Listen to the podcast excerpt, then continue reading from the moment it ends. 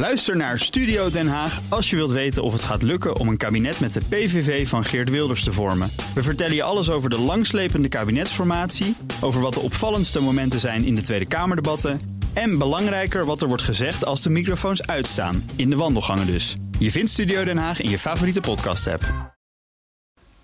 Buitenstaanders zijn tegenwoordig in de politiek heel hip. Nieuwe sterren rollen de politieke arena binnen met als belangrijkste verkoopargument dat ze geen deel uitmaken van de gevestigde orde, geen plushklevers zijn, dus veel beter zijn en schoon schip maken.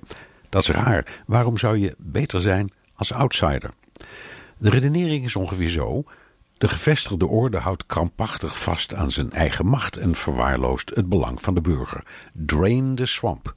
Bagger het moeras leeg was de strijdkreet van outsider Donald Trump. En zo koos Frankrijk Emmanuel Macron, Canada Justin Trudeau, Slowakije Susanna Kaputova en Oekraïne in elk geval in de eerste ronde de komiek Volodymyr Zelensky. Maar klopt die redenering ook?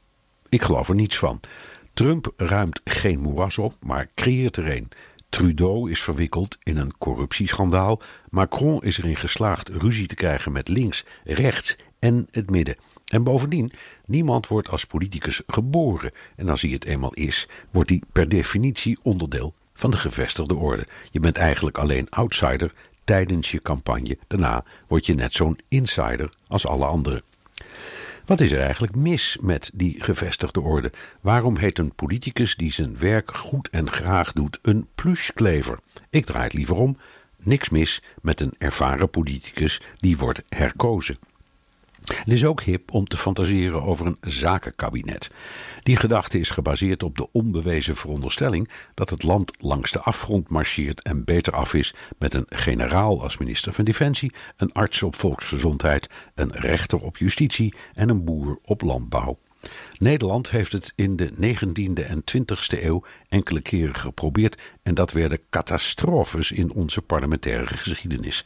Het vijfde kabinet Colijn viel in 1939 al na drie dagen tijdens het eerste Kamerdebat.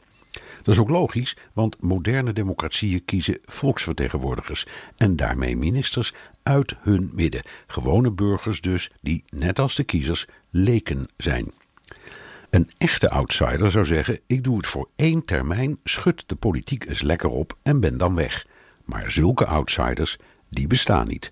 Het zijn gewoon aspirant plushklevers. Ook Harm Edens vind je in de BNR-app. Je kunt BNR Duurzaam niet alleen live luisteren in de app, maar ook terugluisteren als podcast, zoals al onze podcasts.